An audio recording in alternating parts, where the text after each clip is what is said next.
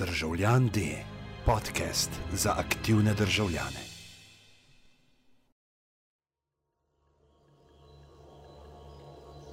Torej, uh, dragi moji, uh, pozdravljeni. Danes je 23. maj, vi to poslušate 15.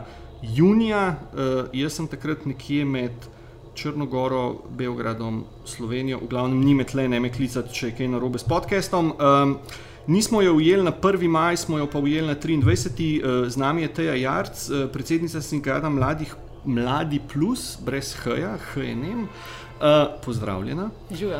Um, mi dva se bomo danes pogovarjali, oziroma ker je pač 1. maj, ne začetek maja in se na 1. maj praznuje uh, delo. Bi se pogovarjala o prihodnosti dela, oziroma o mladih delu in tem, kaj se dogaja trenutno na trgu, pa kaj se bo zgodilo v recimo bližnji prihodnosti. Um, že to, recimo, da obstaja nek sindikat Mladi Plus, mi pove, da situacije na področju dela mladih niso tako rožnate oziroma tako neproblematične, kot bi kdo mislil. Ja, res je. Mi smo torej sindikat dijakov, študentov, predvsem pa mladih brezposelnih in tistih mladih prekarnih delavk in delavcev. Um, torej tistih, ki so ponovadi nekako izključeni iz trga dela, tistih, ki se ponovadi ne vključujejo v sindikat, tisti, ki velikrat nimajo enega zastopnika, sogovornika, nekoga, ki bi se boril za njihove pravice. In ravno s to idejo, da bi se nekdo zauzemal tudi za pravice teh najšipkejših, je nastal v bistvu naš sindikat. Predvsem tudi zato, no, ker um, so mladi, oziroma smo mladi, tista skupina, ki se na trgu dela ponovadi srečuje z malce več ovirami kot druge starostne skupine. Uh -huh. um, Brezposobnost med mladimi je pač vedno višja, kot v primerjavi z drugimi starostnimi skupinami. To tudi tekom zgodovine in potem v krizi še toliko bolj in tako dalje. Okay. Zakaj? Mislim, ker človeku se zdi, da, da mladi ne da ne bodo imeli problema najti delo, ampak da ne, ker so mladi, močni, pametni, izobraženi, oziroma so v tem momentu najbolj, recimo, temu na tekočem stvarmi, da bo to najmanjši problem najti delo, zaposlitev. Ja, res je kar v bistvu nek tak absurd. Um, vsi nam pač vse skozi govorijo, da smo mi najbolj izobražena generacija v primerjavi z vsemi prejšnjimi generacijami. Mhm. Um, da torej smo visoko izobraženi, smo torej aktivni, smo zdravi, a ne lahko bi torej pač v bistvu tako družba kot trg dela ful profitiralo od nas. Ampak v praksi se pa potem pokaže, da to ni čistko, da se mladih ne zaposluje ali zato, ker delodajalci mislijo, da nimamo dovolj izkušenj, um, ali se mogoče velikrat mladih žensk ne zaposluje zato ker se delodajalci bojijo, da bodo potem um, si ustvarjali družino, šle na porodniško in prednost dajale torej pač družinskemu življenju in ne poslovnemu. Ali mogoče zato, ker pač um, ugotovijo, da smo mladi pripravljeni sprejeti marsikaj, tudi kršitve, in se potem mladi izkorišča. In mogoče tudi mladi dan danes, če že nekako najdemo delo, velikrat ne gre za zaposlitev, ampak gre torej za neke prekarne oblike dela. Ali gre torej za študentsko delo, delo prek avtorske, podjemne, um, silijo nas v odpiranje SP-jev, um, pojavljajo se tudi neke take, ja, ali preko društva, ali preko DO-ja, ali neke take zadeve. Tako da jaz bi rekla, no, da se potem mlade kar nekako poskuša izkoristiti, kar se jih le da brez da bi se jim torej na drugi strani ponudili torej neko zaposlitev, varnost, stabilnost, neko dostojno plačilo, vse te neke zadeve, ki so nekako elementi nekega dostojnega dela. Uh mhm. -huh. Zdaj, če gledamo recimo najbolj, pa da rečem temu, zanimivo področje ali pa področje, ki recimo da zaenkrat še obljublja največ. Uh, najbolj zanimivo prihodnost je to ta področje informacijske dobe oziroma informacijske družbe, službe, ki se ukvarjajo recimo vem, s programiranjem, z razvijanjem nekih aplikacij, z uh, spletnim dizajnom in tako naprej. Zdaj, zdi se, ali pa ne, po mojih izkušnjah, je, imamo tukaj eno tako paradoksalno stvar. Ne? Recimo, mladi v srednjih šolah oziroma v gimnazijah se vedno bolj odločajo za, ta, za, za to smer, ker je, ker je atraktivna, ker je zanimiva, ker je zaenkrat še relativno dobro plačena v primerjavi z nekimi drugimi. Ampak hkrati se pa meni osebno zdi, da se tukaj dela nek, uh, da rečemo temu, proletariat 2.0. V smislu, da čez 5-10 let, na internetu je tako težko govoriti o letih, ker gre vse fulhiter mimo se zna zgoditi, da bodo te programeri, ki so zdaj recimo dobro plačani, oziroma so recimo v nekih recimo nadstandardnih službah, da bodo oni recimo ne, ljudje, ki bodo krampali po, ne, po teh internetih. Ja, um, ta tehnologija zagotovo lahko predstavlja neke nove možnosti in priložnosti, s tem seveda tudi za mlade. Jaz bi rekla, da mladi itek smo malo bolj odprti do razvoja novih tehnologij, do sprememb, do novosti. Uh, res se to poskuša že vnesti v formalni izobraževalni sistem, tako da zagotovo bi jaz rekla, da smo mi prvi tisti, ki bomo imeli neke take službe. Samo po drugi strani pa res vprašanje, ali bo to službe, ali bo to v bistvu ponovno um, delo za več različnih naročnikov. Um, kakšna bo potem v bistvu plača teh delavk in delavcev? Če bo konkurenca večja, se bodo sigurno delovski standardi znižali, oziroma pač ja, s tem plačilo.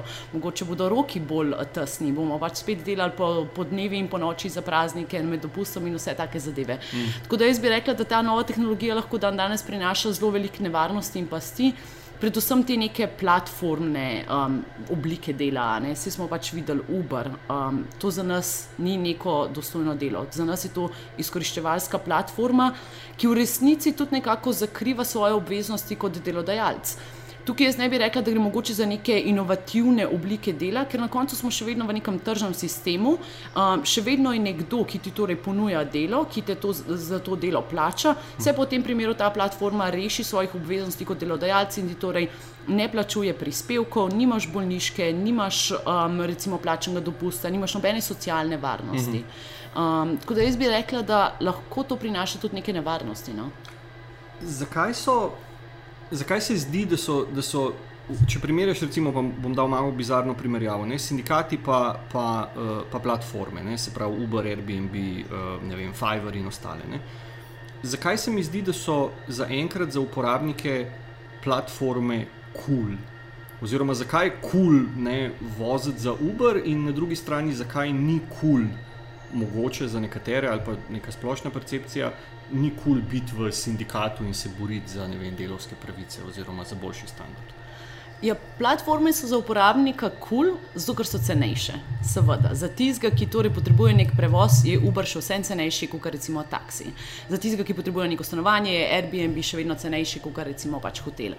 Um, in seveda, ja, uporabniki, posebej pač ja, tisti, ki nimajo toliko denarja, da bi lahko dejansko zbrali mogoče najbolj kakovostno storitev, se bodo torej vedno odločili za cenejše zadeve. Um, jaz ne vem, če je v resnici tako kul cool biti Uber voznik, ker po drugi strani, kar smo mi opazili, da ti ljudje niso svobodni, da še vseeno morajo upravljati neke norme, da še vseeno Uber na njih vrši pritisk, da ti ljudje seveda na koncu ne dobijo niti nekega dostojnega plačila, s katerim bi lahko preživeli.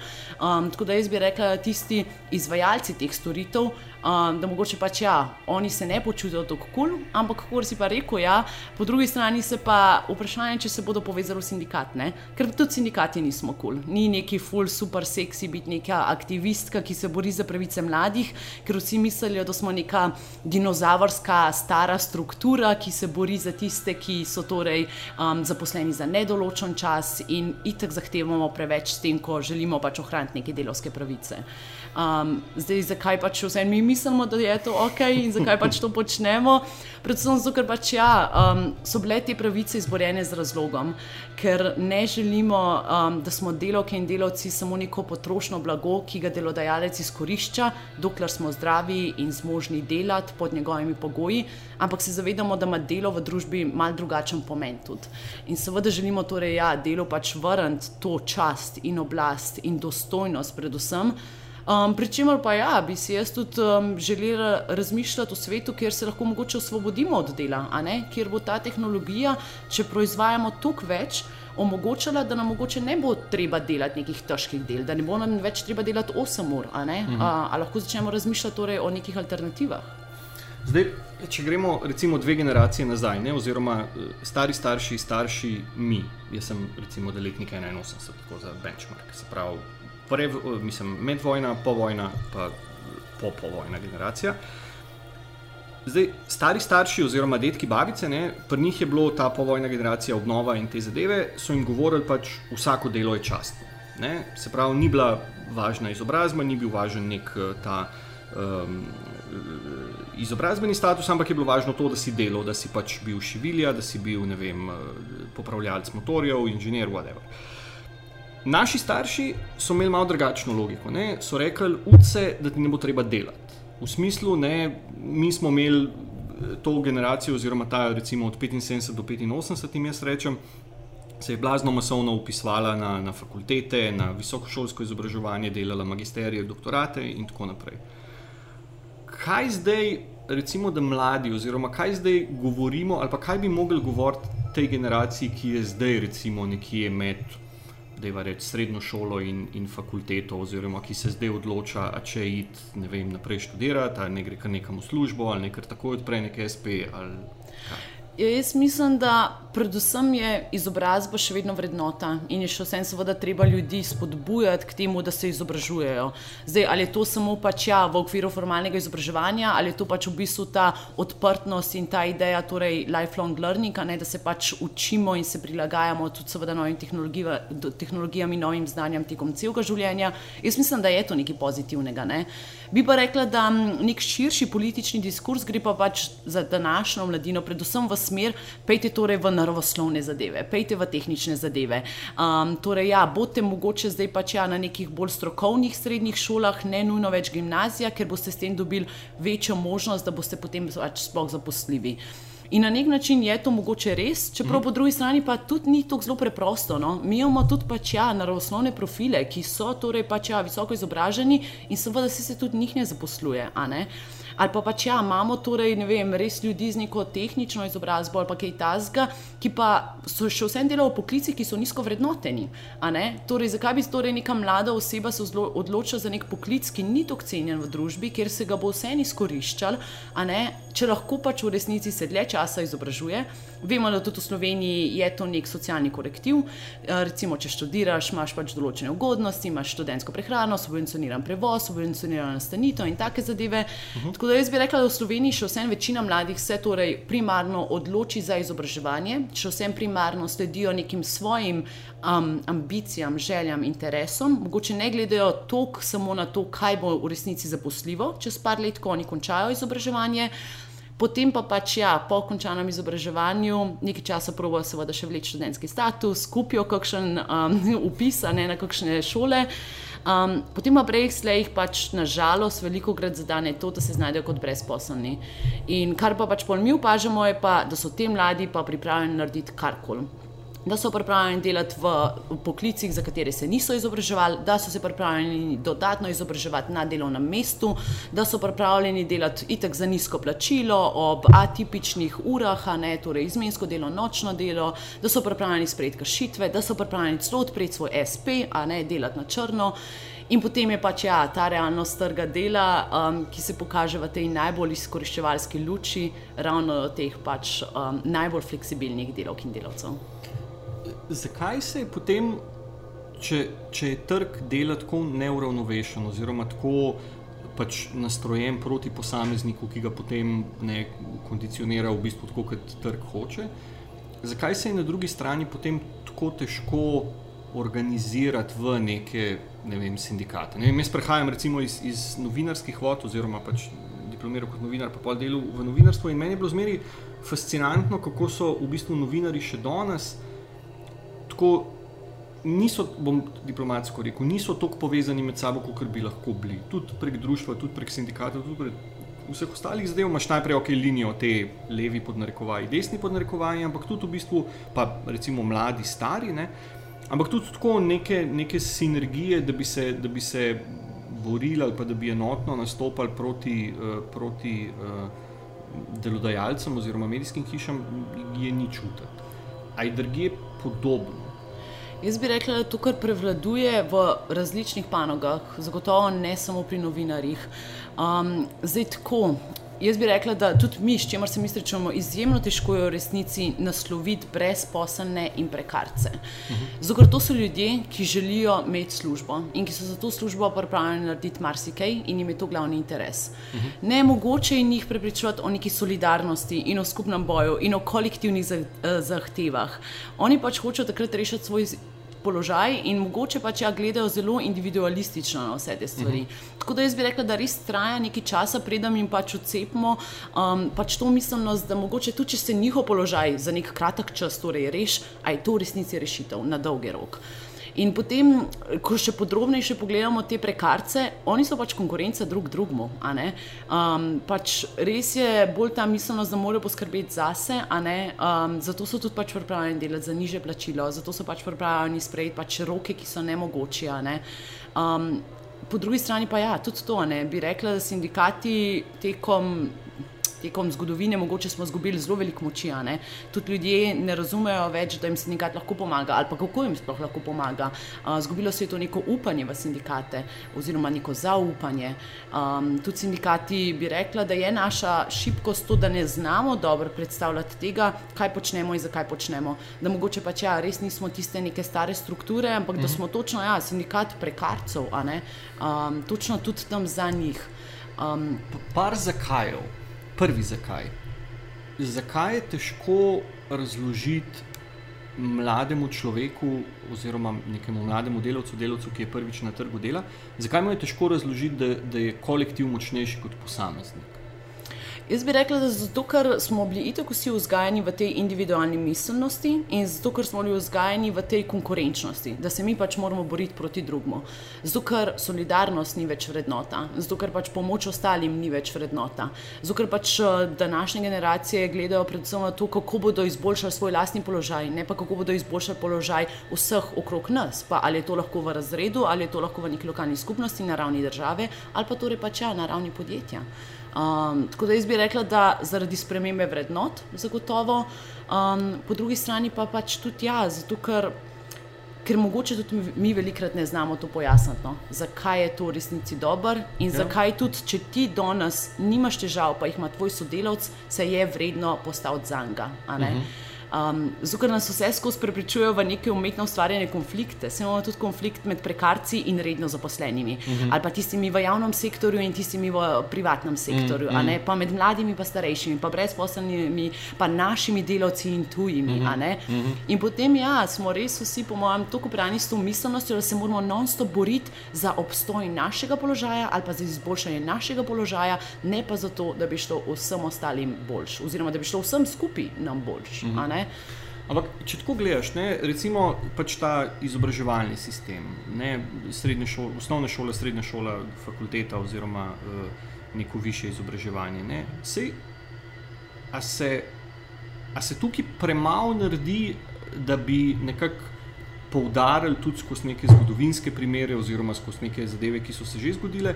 To moč pač skupine proti posamezniku, oziroma ne, to neuravnovešenost, ali je, pridejo te impulzi, da je biti sam na trgu, pa špilati kot da si ne vem, nek superheroj, da pride to kasneje, oziroma da to mladi ali pa da to ljudje potegnejo, potegnemo iz nekih drugih filmov, če temu tako rečem.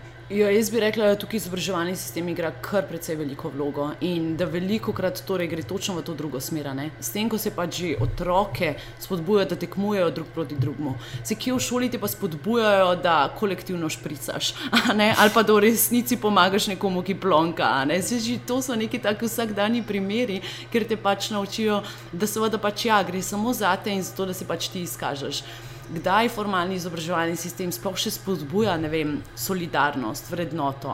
Seveda, ok, se ne me na robe razumeti, so šole, ki imajo vem, prostovoljske programe ali pa ki res spodbujajo vem, kritično miselnost mladih, uporništvo, to, da pač znajo razmišljati svojo glavo in se izražati. Ampak v največji meri pa še vseeno formalni sistem sledi temu, da pač ponavljaš tistemu, kar ti je pač povedal profesor, učitelj, um, da pač skrbiš zase in za svoje ocene in da boš potem s tem si zagotovil neko lepo prihodnost, ker boš pač premagal vse ostale. Mm. Tako da jaz bi rekla, da izobraževalni sistem je tukaj precej, precej ključen. Zdaj, če gremo mogoče malo na drugo temo, pa se bomo na, to, na te mlade vrnili. Eh, zdaj smo, kot že rečeno, 24. Eh, maja, hmal bo, hvala Bogu, konc predvoljne eh, kampanje, to bo objavljen po koncu. Tako da, deva, mislim, zanima me, a se ti zdi, da se na teh razpravah, debatah v sklopu teh nekih predvoljnih, predvoljnih manifestacij, da se dovolj govori o problemu pač mladih služb prihodnosti dela, oziroma ali se o tem problemu razpravlja na, na kvaliteten ali pa na ta prav način. Ma jaz bi rekla, da to temo smo nekako osvetlili v zadnjih letih, ampak še vsem se potem zagotovo ne govori dovolj. Če se že govori, se torej govori na neki deklarativni ravni, a ne pač seveda vsi bodo vedno za mlade. Vse stranke sem prepričana, da bodo rekle, mladi potrebujejo službo in mi bomo naredili vse, da damo mladim službo. Ampak potem je bilo vprašanje, seveda, ja, na kakšen način in ali boste to res naredili. In kaj ste pripravljeni mogoče žrtvovati, zato da bomo govorili dejansko o službah, ne pa o nekih prekarnih oblikah dela. Uh -huh. Tako da jaz mislim, da tukaj ni neke kakovostne debate, sploh pa ne ravno tega kakovostne razprave o tem, kaj je prihodnost dela. Ker v naši zakonodaji je še vedno opredeljeno, da je osnovna oblika dela zaposlitev za nedoločen čas. Ne? Zato se tudi mi borimo ravno za te pravice in imamo pač mi nek legitimen boj, zakaj pač smo proti prekarnim oblikam dela. Mhm. In jaz mislim, da kot družba seveda se pač moramo tega zavedati, moramo to ponotraniti in ne dajati v javnost neko normalizacijo prekarnosti, ker mhm. ni to normalno in sploh ni v skladu z zakonom. Mhm. In da mogoče je pač potrebna ravno ta družbena razprava, kaj nam torej prinašajo um, nove tehnologije, digitalizacija. Ali smo pripravljeni torej, vem, sprejeti drugačne oblike dela ali pač ne? Um, jaz mislim, da te debate ni. Um, predvsem pač ja, nismo pripravljeni na vso novo tehnologijo, ki prihaja. Um, če že se govori torej vse prevečkrat o tem, da delodajalci pač potrebujejo bolj fleksibilen trg dela. Uh -huh. uh, ni pa tega razumevanja, kaj to pomeni. Uh -huh. Kaj to pomeni za delovke in delovce, kaj to pomeni za prebivalstvo. In tukaj pač ja, smo sindikati in organizacije, ki se s tem strokovno ukvarjamo, ki tudi vidimo, kakšne so posledice in za okolje, in za posameznika in za zdravje, konec koncev. Mhm. -huh. Lahko imamo mi seveda bolj fleksibilen trg dela, ampak potem pač ja, bomo vsi delali do onemoglosti in potem bomo zboleli in potem bomo imeli recimo še več stroškov, a ne v mhm. -huh. zdravstvenem sistemu. Lahko torej vsi delamo na črno ali pa prek SP-ja in plačujemo minimalne prispevke, ampak potem se ne smemo čuditi, zakaj nimamo denarja za izplačevanje pokojnin. Uh -huh. uh -huh. Tako ta trg dela je to povezan z vsemi ostalimi sistemi in pač delo kot dejavnost v življenju posameznika, ki predstavlja to tako velik obseg, uh -huh. je tako povezan z vsemi drugimi aspekti, od socialne vključenosti, zdravja, ne, mreže, socialnega kapitala, uh -huh. da bi jaz si res želela malo več bolj kakovostnih in širših razprav. No. Ne samo, koliko se bo zvišala minimalna plača, ali bo to za 3 evre ali za 5 evrov, uh -huh. ampak v resnici, kaj želimo kot družba, no, kakšen sistem želimo imeti v tej naši državi. Zakaj misliš, da, da se ta razprava ne odvija na tak način? Je, večina od njih si mogoče te razprave sploh ne želi. Zato, ker je pač najlažje ugoditi, seveda, delodajalcem, kapitalu, najlažje, seveda, meriti samo gospodarsko rast. To je eden izmed zelo jasnih kazalnikov, ki se ga lahko pač zračuna za vsak mesec. Težje je torej pač meriti v bistvu vpliv na zdravje, na mentalno zdravje, na socialno vključenost, na preživljanje prostega časa, na v bistvu ja, zdrave družinske odnose. In zato, ker pač ja, večina ljudi mogoče niti ni usposobljena, ali pa pač ja, res noče videti tega premisleka. Uh, kot rečeno, mogoče je pač ja, najlažje govoriti z nekim delodajalcem, ki bo rekel: Ja, gledajte, bom imel pač pet ljudi več v našem podjetju, če bo pač minimalna plača nižja, ali pa če jih imam lahko pač prek SP-ja. Um, kar pa je seveda napačen kriterij, ne napačen kazalnik, ki, ki nam v resnici ne pove čist nič o recimo kakovosti življenja in o tem, kako pač želimo funkcionirati funkcionirati. Če ostanemo še malo pri tej predvolilni kampanji, oziroma pri tej neki politični reprezentaciji. Ne? Mi smo imeli, koliko je zdaj to, 15 let nazaj, eh, neko stranko mladih, ne? um, ki je potem trajala en mandat, en pa pol, neki tasga, in, in od takrat naprej pač ni bilo. Mogoče so bili poskusi, ampak ni bilo, od takrat naprej nismo imeli pač podobnega političnega konstrukta. Na drugi strani smo, se mi zdi, ena redkih držav v Evropi, kjer imamo konstantno v vseh vladah pač eh, stranko upokojencev. Ker je čisto legitimno, taka je pač očitno odločitev volilnega telesa, ampak spet nazaj na vprašanje, ne, zakaj se mladi tako težko, ali pa zakaj je mlade tako težko pripričati, da je ne, za njihovo dobro, da se je treba za njihovo dobro boriti tudi na tej neki politični, um, političnem nivoju. Jaz bi rekla, da smo res zelo, zelo razočarani nad politiko, ne? da pač ni več vere v to, da se da preko tega sistema karkoli spremeniti. Um, politika dan danes je razumljena v tem zelo oskem smislu in to so pač ja, ljudje, ki sedijo ali v vladi ali v državnem zboru ali pa kaj tasga. In um, njihova javna podoba ni dobra. Pač mi vsi mislijo, če greš v politiko, si pa si gotovo umazan in hočeš neke slabe zadeve. Um, In jaz bi si želela, no, da bi se tudi ugled politike spremenil, da bi pač res gledali na politiko v tistem širšem smislu, kako lahko pač vsi prispevamo k družbi, v kateri želimo živeti. Ampak potem tudi mogoče ne bo vprašanje, ali je torej edini način vplivanja na te spremembe skozi politične stranke. Ker tukaj je pač misel, da se mladi lahko aktiviramo na različne načine. In lahko so to sindikati, lahko so to civilna, družbena gibanja, lahko so to prostovoljske organizacije, lahko gre za neformalne skupine. Ne? Mhm. Karkoli, samo pač v pravi demokraciji bi imeli tudi te ljudje glas, bi tudi te ljudje lahko sporočali svoje mnenje in bi bilo njihovo mnenje nekako upoštevano. In jaz mislim, da je torej rešitev torej v, širje, v tem širjenju demokracije um, in pa potem mogoče s tem tudi spreminjanja vpliva oziroma tega pogleda na politiko. No? Um, zato, ker pač ja, do, do takrat, ko pa pač bomo imeli politike, ki ki so vključeni v razne afere, ki kradejo, ki se znajdejo na sodišču, ki sploh ne sprejemajo več sodnih odločb in neke take zadeve, ne? bo pa seveda ta nek temen madež pač na ravni politike in potem tudi seveda mladi težko pač zaupamo vedno znova nekim obljubljam. No? In pa po drugi strani tudi tako, vse politične stranke dan danes se ne naslavljajo te mladih, razen tega, da pač ja, vsi bomo dali mladim službe. Ja, super, ne. Če še malo ostanem pri tem, uh, zdaj rekla si, ne jemljajo glas. Ne? A, se, a se to je to mogoče pogojeno ali pa je to mogoče povezano z vzgojo, recimo teh mladih, pa če zdaj malo začnem, ne, te tam mladi nimajo pojma, da v smislu, da je vzgoja preveč permisivna in potem mladi mislijo, da se bo tudi na političnem nivoju ta prenos moči oziroma ta predaja moči zgodil v bistvu na tak način, kot se dogaja vem, znotraj družine, ne, da ti bo sta mat pa fotor rekla, evo, zdaj bom pa jaz ne glasoval tako, kot boš ti hotel, ti imaš moj glas, oziroma ti govoriš skozi mene, ne, in zdaj imaš v bistvu ti moč kontrolirati pač to zadevo. Ne. Da mladi, mogoče, pa ne govorim zdaj ne, o revoluciji, pa gremo na brigade streljati starejše, starejše občane, ampak da, da, da, se, da, da se na tem področju mladi mogoče preveč zanašajo na to, da se bo ta zadeva zgodila, da ne rečem, sama od sebe.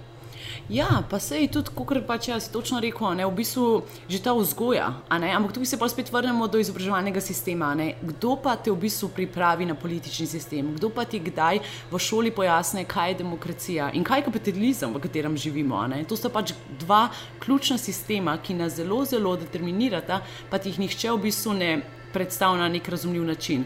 Hkrati že pač vsi v sami šoli se ne spodbuja neke participacije, ne? pač slediš učemu načrtu, delaš tisto, kar ti pač učitelj reče. Um, kje pa imaš v resnici možnost kot pač učenec ali pa pač kot kolektiv, torej kot razred, v bistvu so vplivati na to, kako funkcioniraš, kako se učiš. Mhm. In potem ja, seveda tudi seveda družinski, um, v bistvu neki stiki, neke odločitve. Ne? A se skupaj kot družina odločajo, kam grejo na dopust, ali pa pač ja, to povejo starši. Tako da jaz bi rekla, da v bistvu ta demokratična vzgoja, oziroma pač ja, ali je to državljanska vzgoja, ali kako koli se pač temu dan danes reče, pa pač se temu nikakor ne reče, ker to ni sistemsko peljano, a ne v naš izobraževalni sistem. Um, pač ja, ponovno igra ključno vlogo, zato da pač mladim sploh vedeti, kje živimo, kako živimo in da lahko tudi oni vplivajo na sistem. Mhm. In tako tudi študije kažejo, da čim hitreje ti pač mlade v bistvu učiš, torej nekih participativnih pristopov, moči, da lahko so odločajo, da se zavedajo, ne, kakšno so razmerja v družbi, bolje verjetno, da bodo oni potem to zanimanje prenesli na vsa ostala um, obdobja v življenju. Mhm. Torej, jaz da vlagati v nekoga v vrtu, v nekoga v osnovni šoli in ga v bistvu skozi življenje pelati v to, ne glej, tudi ti si državljan, tudi ti lahko pač zdaj le so ustvarjaš prostor, a ne, ne biti tih, ampak pač povej. In če mhm. pač to, da pač poveš, ni dovolj, mogoče greš pa, ne vem, protestirati. Mhm. Da je pač milijon možnih načinov, kako se lahko da danes izražamo, in da bi bilo zelo fino, ne, da se, da pač ne pustimo, da se drugi torej odločajo na mest nas. Um, potem, seveda, smo pa pač najbolj glasni v gostilni, mm. ker pač tam nekako še damo ven vse te frustracije. Mm. Zdaj, mogoče en tak relativno hud uh, odmik od, od tega, kar smo se do zdaj pogovarjali. Tvoj najljubši app. pa there's a point na koncu tega, te logike. Ali pa app, ki ga najbolj uporabljaš, ali pa app, ki. Ok, ja, mislim, pri meni so to zihar maili, kar okay. je tako full bedno, Dobro. mislim, ampak pač. Dobre maili, ok, maili, ja. se pravi maili na telefonu. ne? Ja. Koliko časa traja, da, da se ti prek maila z nekom ali pa z neko skupino ljudi skoordiniraš do te mere, da, da imaš občutek, da si nekaj naredil? Jo, včasih je to lahko full hiter, ne? Valjda, okay. če so pač sodelavci in se pač, ne vem, odločimo, ali imamo danes sestanek ob treh ali ob štirih, uh -huh. a ne se pač zmenimo in je potem okay. pač sestanek ob treh, recimo. Ok. A misliš, da je zaradi tega vse večje kibernetizacije prostora, oziroma vse večje uh, digitalizacije, pač informatizacije družbe, kjer se vse dogaja zelo hitro, kjer se zelo tako na instant, na dotik v bistvu določajo, spreminjajo, premikajo zadeve. Uh, pa hkrati ne, tudi ena taka fora, jaz sem še človek, ki je, imel, ki je živel v gospodinstvu s stacionarnim telefonom in si se zmenil za tri ure naprej, in si se zmenil za tri ure naprej. je to držalo, In to držali. In smo ja. se pač čez tri ure dobili pred nami, in je pač to ni bilo vmes stokrat pinganja. Ok, to je zdaj old grandpa. Ne, ampak ne, a misliš, da je zaradi tega, ker so ljudje ali pa ker smo ljudje navajeni na to instantnost nekih rezultatov, da jim je zaradi tega mogoče težje, ne tako, kot si rekla, sodelovati v nekih družbenih procesih, kjer so roki za pritožbo 90 dni, pa potem ima ministrstvo čas še 45 dni mutiti, pa potem je še čas za pritožbo na pritožbo, ne vem kaj. Da se te zadeve, da, da, ljud, da, da ljudje nimajo več, ajde rečemo, potrpljenja za to, da. Da izgubijo ja. Zanimanje, ker se neka stvar ful počasi dogaja, čeprav v bistvu je to čist nekaj, da ne rečem, normalno. Ja, jaz bi rekla, da zagotovo, mislim, tempo življenja se je tako spremenil, da res pač hočemo vsi odgovor zdaj, hočemo rešitev zdaj, hočemo spremembo zdaj.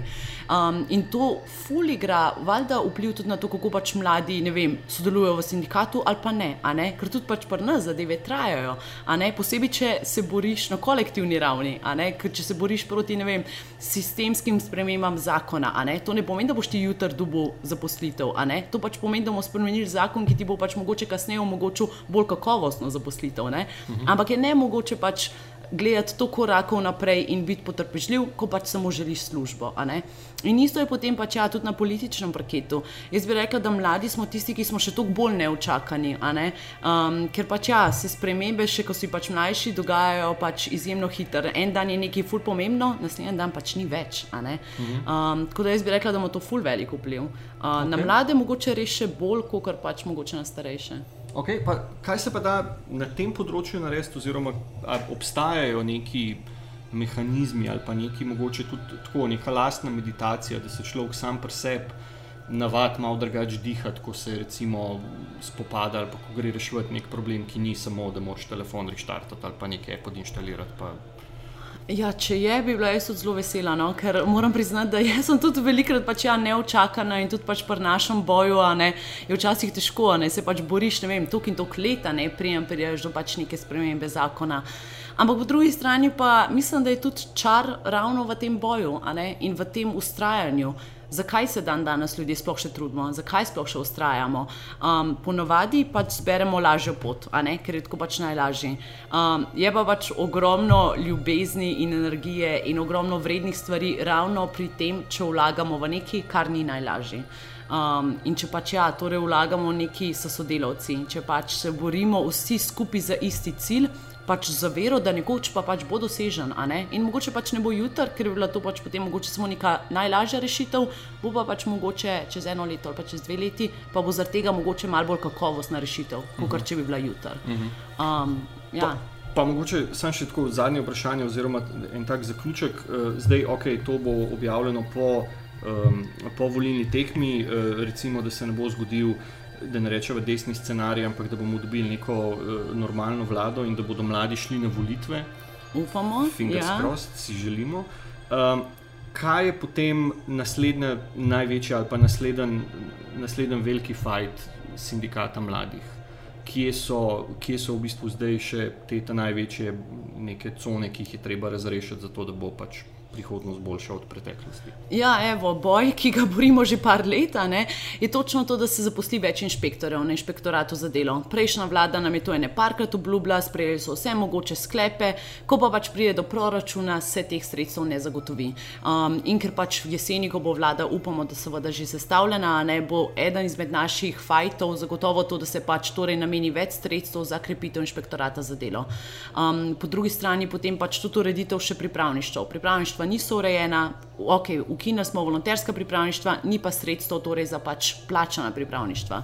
Um, tako da to so ta nekako področja. In pa pač seveda, ja, um, vedno znova prijavljanje kršitev. Um, ena izmed naših taktik je torej tudi ja, zasud inšpektorat s našimi prijavami, um, kjer si želimo tudi v bistvu sankcionirati oglase za delo, ki torej ponujajo delo na način, ki torej ni v skladu z zakonom. Torej, če je jasno, da bi mogla biti sklenjena pogodba o zaposlitvi, ker so prisotni elementi delovnega razmerja, pa se torej ponuja delo preko študenta ali pa preko SP-ja, um, mi želimo, da se že takega delodajalca kaznuje že na podlagi oglasa. Um, tudi to smo opozarjali že več kot uh, leto nazaj, pa se to ni zgodilo, tako da upamo, da bomo to pač zakonsko spremenili. Okay. Um, dragi moji, uh, to je bila uh, Teja Jarc iz uh, Sindikata mladih. Um, brez H-ja. Um, to je bil zadnji državljan D pred poletjem, kot že rečeno, poslušate ga junija, uh, julija, avgusta, mogoče celo septembra bomo malo na dopustu, uh, potem se pa jeseni uh, srečamo z novimi temami. Uh, Teja, hvala za, za čas in za pojasnila oziroma za pogovor. Hvala tebi. Ne maram govoriti veliko sreče, ker to pomeni, da je tako, da, pač da pade z neba. Ja, da je neodvisno od tega, kaj ti narediš, da se pač pol, veliko uspeha oziroma velike energije pri teh bojih oziroma pri teh. Um, udejstvovanju v, v postopkih za spremembe, tako čisto um, uradniško. Um, vam pa, uh, dragi poslušalci, uh, lepe počitnice in uh, se vidimo jeseni.